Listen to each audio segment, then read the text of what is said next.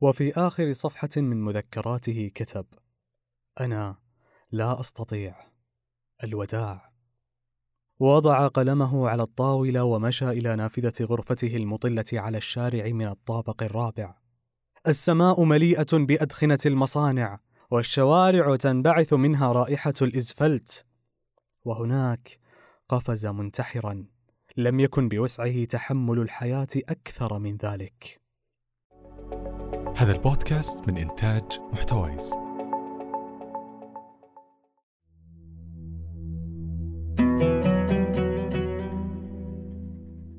أنا عبد الإله الجميل وهذا بودكاست سوق الزل واللي راح نتكلم في حلقاتنا عن الفن والفنانين ونبحث مع بعض قديش الفن منا وفينا. راح تسمعون معانا الموسيقى المحلية والعالمية عن عمارة زها حديد وإبداع تطريز إلي صعب. وسوداوية كافكا الله يستر منها. عن فلسفة لوحة الصرخة أو ليه عيون الموناليزا تلاحقنا بكل زاوية. موسيقى، رسم، عمارة والكثير من الفنون اللي تنتظر ندرسها ونشوفها من زاوية أخرى. في هذا الموسم راح نتكلم عن فن الأدب وتحديدا أدب الرواية والقصة. والحين يلا نفرش الزل.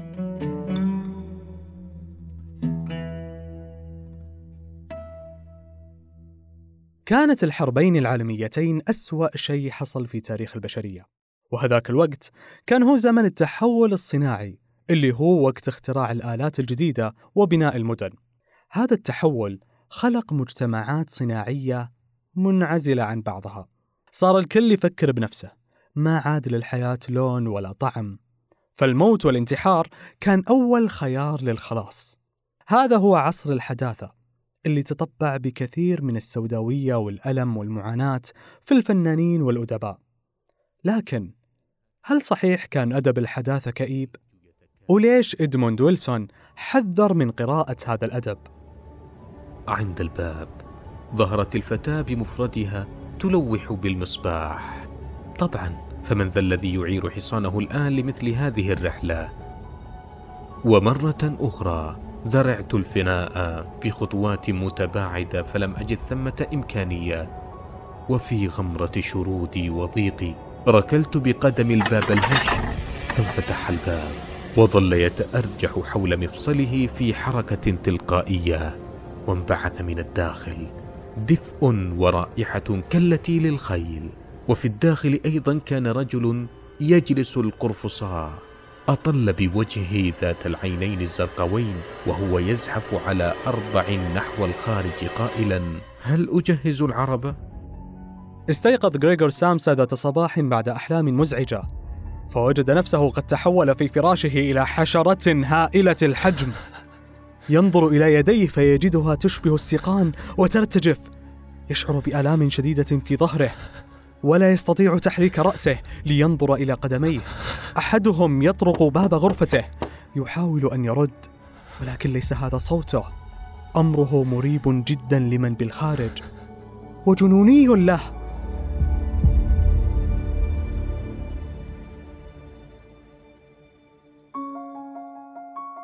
أديبنا هذه الحلقة. كانت بينه وبين والده علاقة متوترة. كان أبوه حاد الطبع. وجائر نوعا ما ومتقلب المزاج. وحتى علاقته مع والدته جولي اللي كرست نفسها وحياتها لبيتها ولا تمتلك أي فكر ولا تشجيع لحلم ابنها في أنه يصبح كاتب. ورغم كل هذه المعاناة درس وكبر وتخصص في القانون لكن ما نسى حلم الكتابة أبدا. على العكس أخذ حصص في الفن والأدب وواصل كتاباته اللي كان يرفض نشر أغلبها. هذه أعمال الكاتب فرانس كافكا اللي نقدر نوصفها بجملة واحدة وهي أحلام نومة العصر حرفيا والسؤال اللي نبغى نوصل لإجابته هو ليه أعمال كافكا تحمل كل هذه الكآبة وهل فعلا كافكا كان يكتب عن حياته؟ عندما وقع الفأر الصغير الذي كان محبوبا بشكل خاص في عالم الفئران ذات ليلة في المصيدة وصرخ صرخة عالية مضحيا بحياته من أجل قطعة دهن انزعجت جميع فئران المنطقة في جحورها. إدموند ويلسون قال إنه في كاتب من سابع المستحيلات إنه يقرأ لأعماله في الصباح وقت الفطور وشرب القهوة. والكاتب هذا هو كافكا قصص كافكا مليانة تعذيب وجروح وسادية ومازوخية وقسوة ما لها أي مبرر. نشوف كثير في قصصه قوارض وخنافس وحتى نسور وكائنات بشعة جدا. وكل قصصه مليانة يأس ما له حدود. وهذه القصص ما تناسب الواحد يبدأ فيها يومه ولا حتى يقراها قبل النوم لأن الكوابيس راح تلاحقه بسببها. هل الأعمال الأدبية فعلا تعكس المجتمع؟ الحقبة الزمنية لها أثر كبير في المؤلفات الأدبية. مثلا نشوف في روايات تشارلز ديكنز السحب الرمادية واللي نشتم منها أدخنة المصانع أو أعمدة القصور والبلاط الملكي في مسرحيات شكسبير وحتى الغربان السوداء والأشباح اللي تلاحق قصص إدغار آلان كل هذه الرموز كانت تحكي واقع عاشه الكاتب في عصره. نعود لسؤالنا الأهم. هل كافكا كان يكتب عن حياته؟ في سنة 2012 كاتب يدعى ساول فريدندر. نشر كتاب يتحدث عن كافكا بعنوان كافكا شاعر الذنب والعار وفريدلندر رجل يدرس التاريخ أكثر من دراسته للأدب وتنتمي عائلته للجذور ذاتها اللي تنتمي لها عائلة كافكا فأهله من اليهود ويتحدثون الألمانية ويقيمون في مدينة براغ عاصمة التشيك. فريدلندر يعرف جيدا كل النظريات المتعلقة بأعمال كافكا القليلة نسبيا. واللي تتضمن ثلاث روايات غير مكتملة. عشرات القصص القصيرة مجموعة من الشذرات اليوميات ومجموعة رسائله إلى عشيقات ما تزوجوا ولا واحدة منهن. وبالتأكيد رسالته الشهيرة إلى والده بعنوان رسالة إلى أبي والتي لم يقم حتى بإرسالها. قام فريدلندر في كتابه بالتنقل سريعا بين حياة كافكا وأعماله بغرض تفسير عبقريته.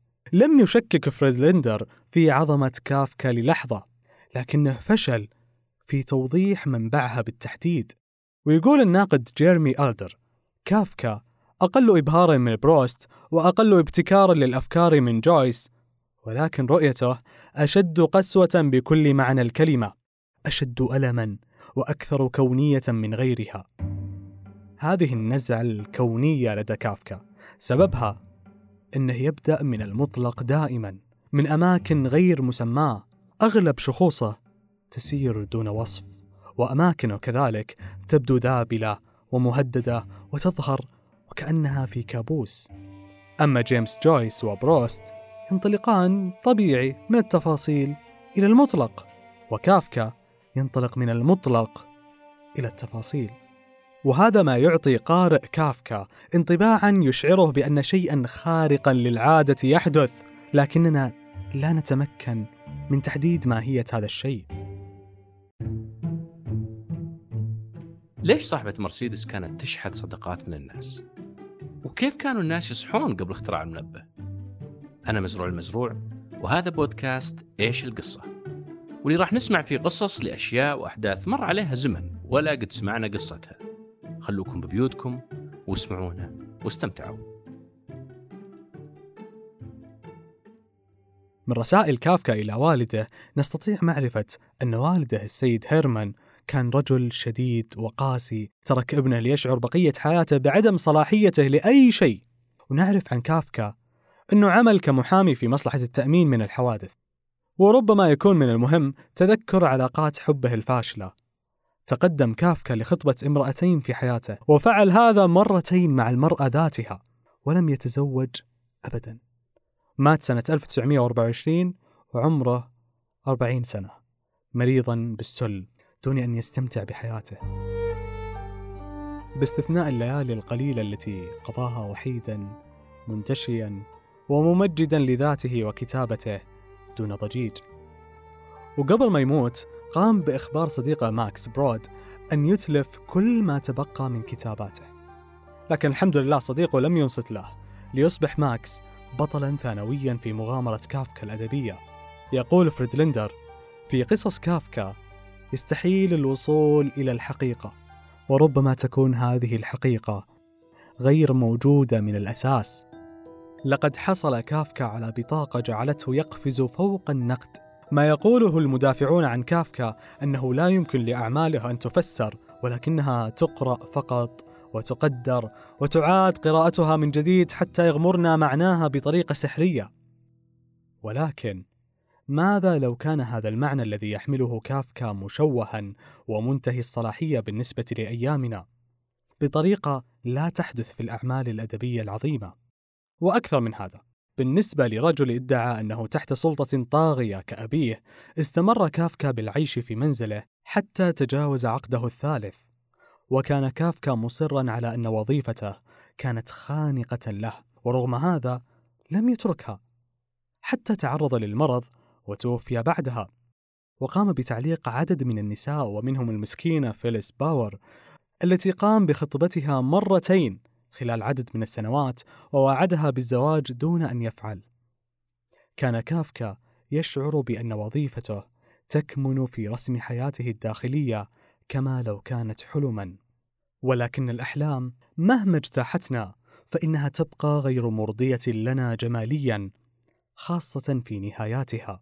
وكافكا بنفسه لم يجد نهاية أعظم قصصه المسخ مقنعة له وهي ليست مقنعة على الإطلاق وربما كان هذا للسبب ذاته الذي جعله يخفق في إنهاء رواياته الأخرى الأحلام وخاصة الكوابيس وجوعه للنهايات الفنية.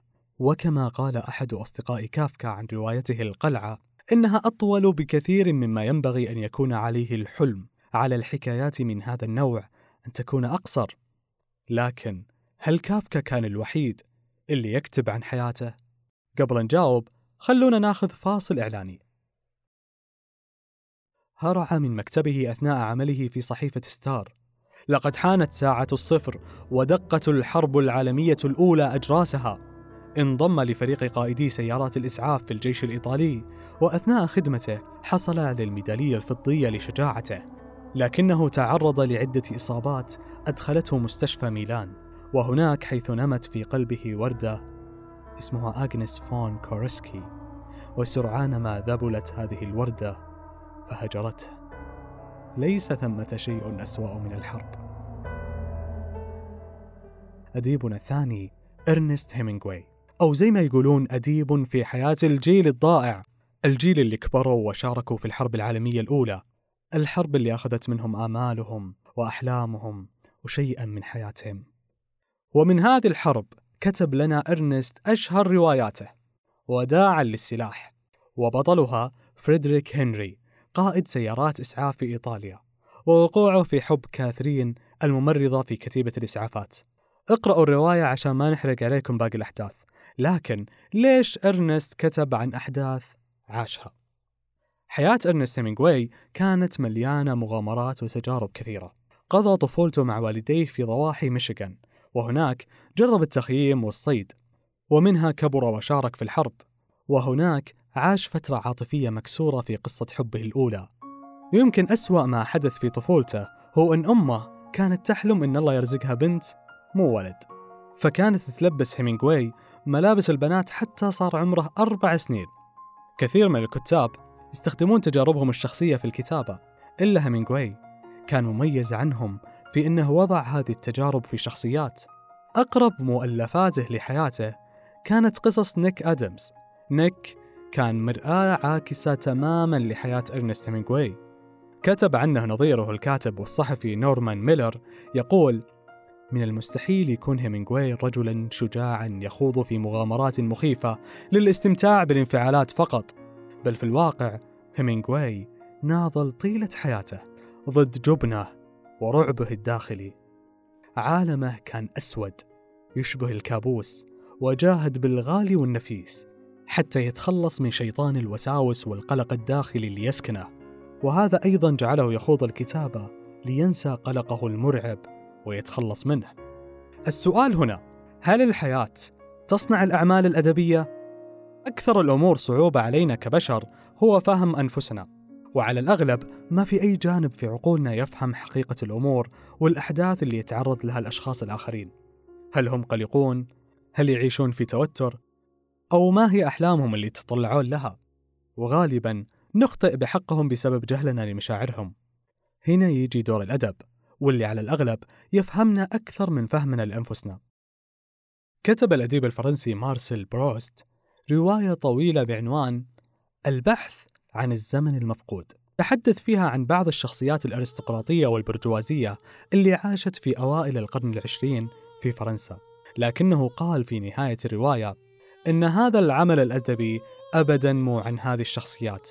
هو في الحقيقة عن شخصية واحدة هو أنت. ويقصد فيها القارئ.